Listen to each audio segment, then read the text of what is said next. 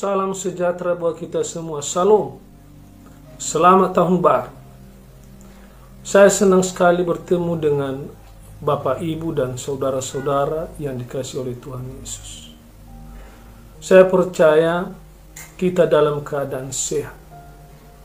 Dan harapan kita bersama di tahun 2021 ini keadaan kita jauh lebih baik dibanding keadaan kita di tahun 2020. Dan kita terus menerus berdoa supaya COVID-19 ini segera berakhir. Sebelum kita mendengarkan firman Tuhan, mari kita berdoa. Segala puji syukur dan hormat dan kemuliaan hanya kepadamu kami berikan ya Tuhan. Kalau sore hari ini kami beribadah. Kami akan memuji dan menyembah Engkau. Tuhan Yesus hadir Engkau di tengah-tengah kami. Jama satu persatu. Hambamu berdoa ya Tuhan.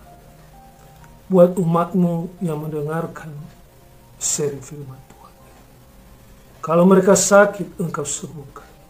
Kalau mereka lemah, Engkau kuatkan mereka. Kalau mereka berkekurangan, berkati mereka berlimpah-limpah. Terima kasih. Kami haus dan lapar akan firman. Berfirmanlah kepada kami, kami siap mendengarkan. Di dalam nama Tuhan Yesus kami berdoa dan mengucap syukur. Sama-sama kita katakan. Amin. Bapak, Ibu, dan saudara-saudara yang dikasih oleh Tuhan Yesus. Tema firman Tuhan kepada kita di bulan Januari ini berjalan dengan integritas dan kebenaran. Mari kita baca dalam Mazmur pasal 15 ayat 2. Yaitu dia yang berlaku tidak bercela, yang melakukan apa yang adil dan yang mengatakan kebenaran dengan segenap hatinya. Juga kita baca dalam Amsal pasal 13 ayat 6. Demikian firman Tuhan. Kebenaran menjaga orang yang saleh jalannya. Tetapi kefasikan mencelakakan orang berdosa. Bapak, Ibu, dan saudara-saudara yang dikasihi oleh Tuhan Yesus. Berjalan dengan integritas dan kebenaran. Apa itu integritas? Integritas itu suatu kesatuan antara ucapan, tindakan, dan perbuatan. Harus sejalan. Berkata, berbicara apa adanya. Dan bertindak jujur. Bertindak benar. Dan bertindak tulus. Sehingga integritas dan kebenaran tidak bisa dipisahkan. Karena integritas suatu keadaan atau kualitas kehidupan yang positif yang dibangun di atas kebenaran, dibangun di atas kebaikan, dibangun di atas keadilan, dibangun di atas ketulusan, dibangun di atas kesetiaan, dan dibangun di atas kejujuran. Integritas dan kebenaran ini tidak bisa dipisahkan. Tapi orang yang berjalan dengan integritas, pertama, memiliki komitmen. Yang kedua, bertanggung jawab, bisa dipercaya. Ketiga, setia. Keempat, sama di depan dan sama di belakang. Itulah kepribadian orang yang berjalan dengan integritas. Bapak, Ibu, dan saudara-saudara yang dikasih oleh Tuhan Yesus. Berjalan dengan integritas dan kebenaran. Itu baru disebut sempurna. Saudara-saudara yang dikasih oleh Tuhan Yesus. orang yang berjalan dengan integritas memiliki komitmen. Memiliki komitmen untuk sempurna.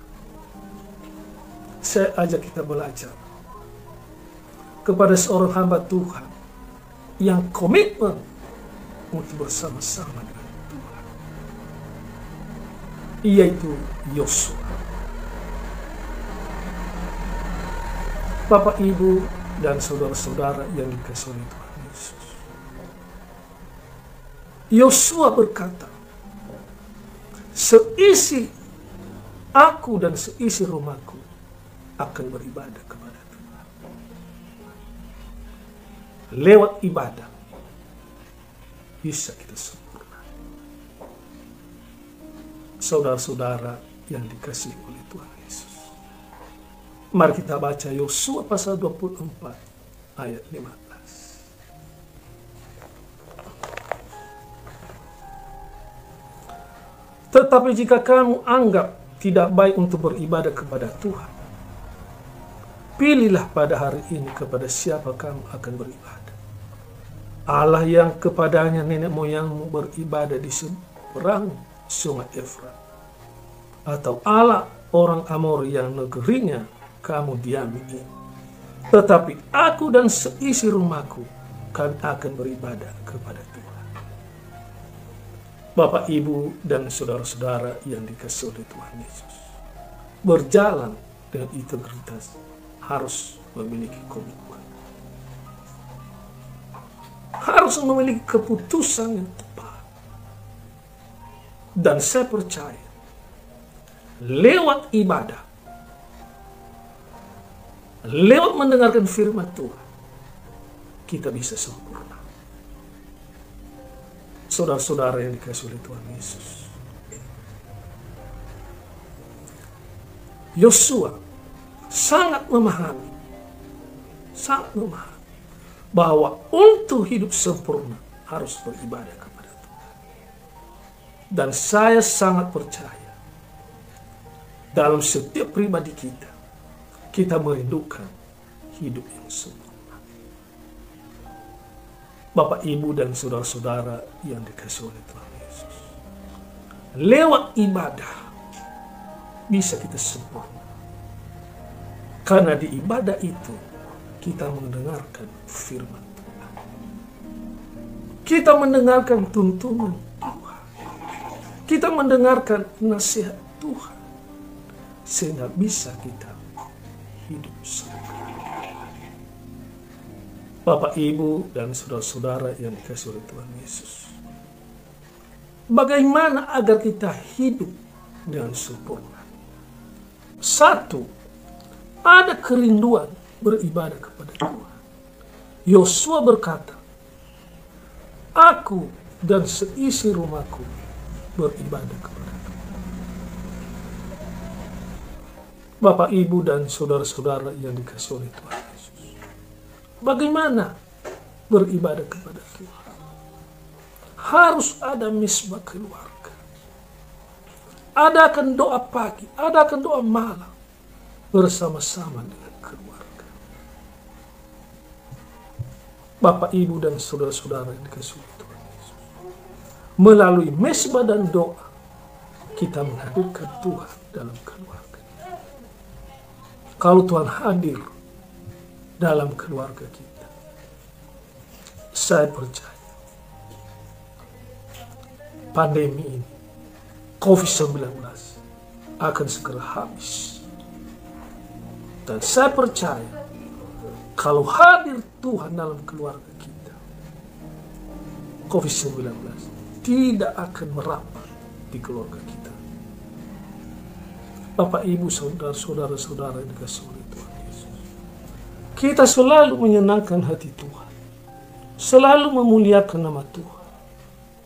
Bahkan kita bisa memutar lagu-lagu rohani. Banyak orang percaya akhir-akhir ini.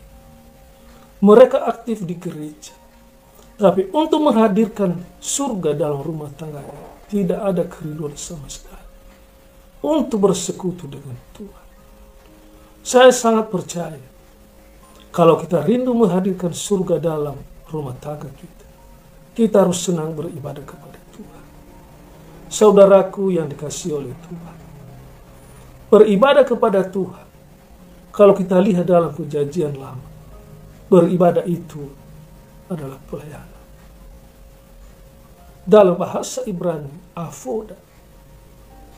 Dan kalau kita lihat dalam perjanjian baru, beribadah juga artinya pelayanan. Dalam bahasa Yunani, latria. Bahkan seorang budak melayani kepada seorang tuan.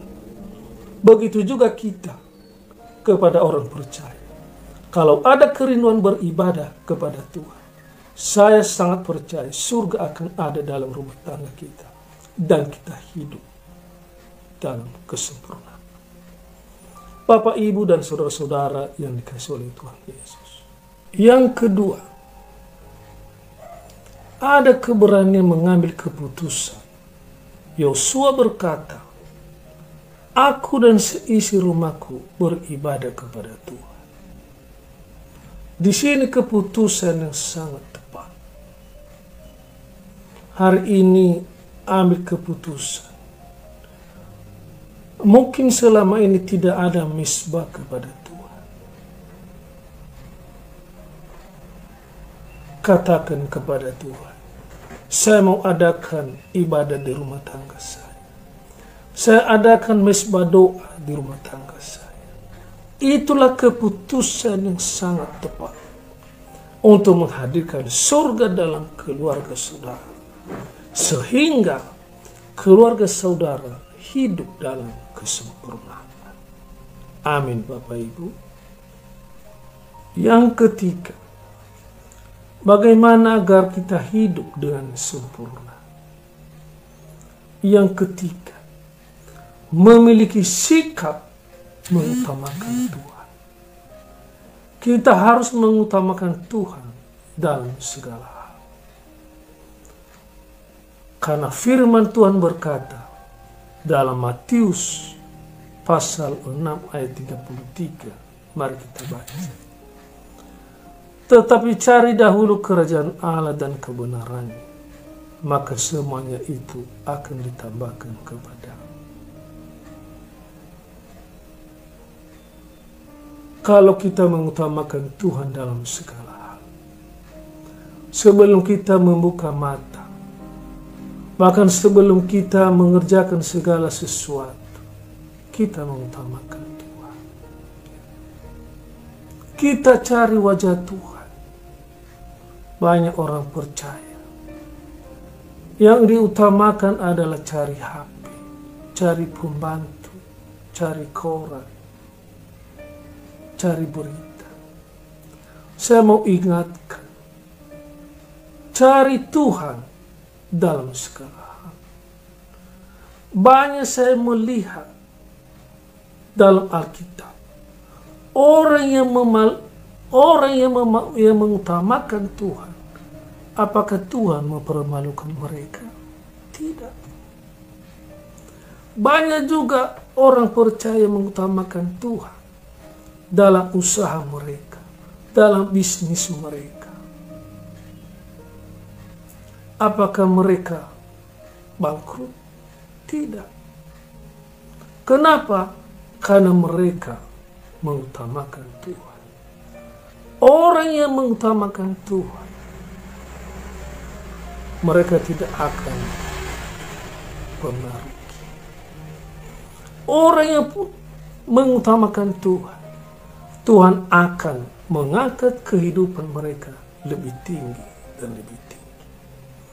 Orang yang mengutamakan Tuhan, rumah tangganya, dia akan menikmati muzizat-muzizat setiap saat. Orang yang mengutamakan Tuhan, dalam rumah tangganya, akan melihat anak-anaknya berhasil. Orang yang mengutamakan Tuhan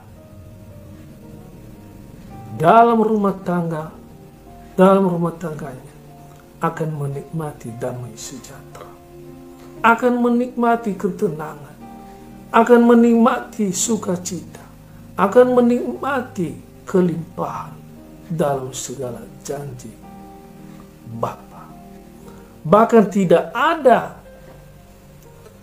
kesempatan kepada iblis untuk mengganggu keluarga, mengganggu pekerjaan, mengganggu kesehatan.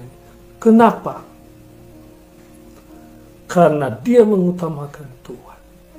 Hari ini, utamakan Tuhan.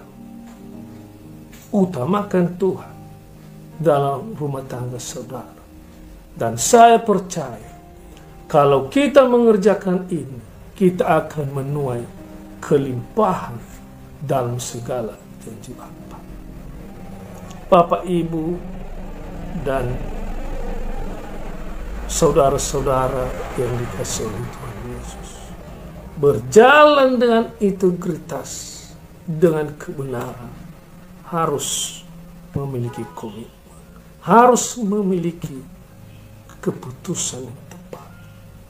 Karena integritas adalah jati diri kita, karakter kita. Saudara-saudara yang dikasih oleh Tuhan Yesus lewat firman Tuhan yang kita dengarkan ini. Kalau kita beribadah dengan rasa cukup, dengan penuh ucapan syukur, maka saya percaya surga hadir dalam keluarga. Amin. Tuhan Yesus memberkati. Mari kita berdoa. Terima kasih Tuhan firman-Mu yang sudah kami taburkan dan yang sudah kami dengarkan. Biar firman-Mu ini menjadi rema dalam kehidupan kami. Hamba-Mu berdoa buat seluruh umat-Mu yang mendengarkan sharing firman Tuhan ini. Tuhan, apa pun yang dikerjakan oleh umat apa pun yang diusahakan oleh umat berikan berhasil dan berikan beruntung ya Tuhan. Terima kasih Tuhan. Di dalam nama Tuhan Yesus kami berdoa dan mengucap syukur. Sama-sama kita katakan amin. Salam. Tuhan Yesus memberkati.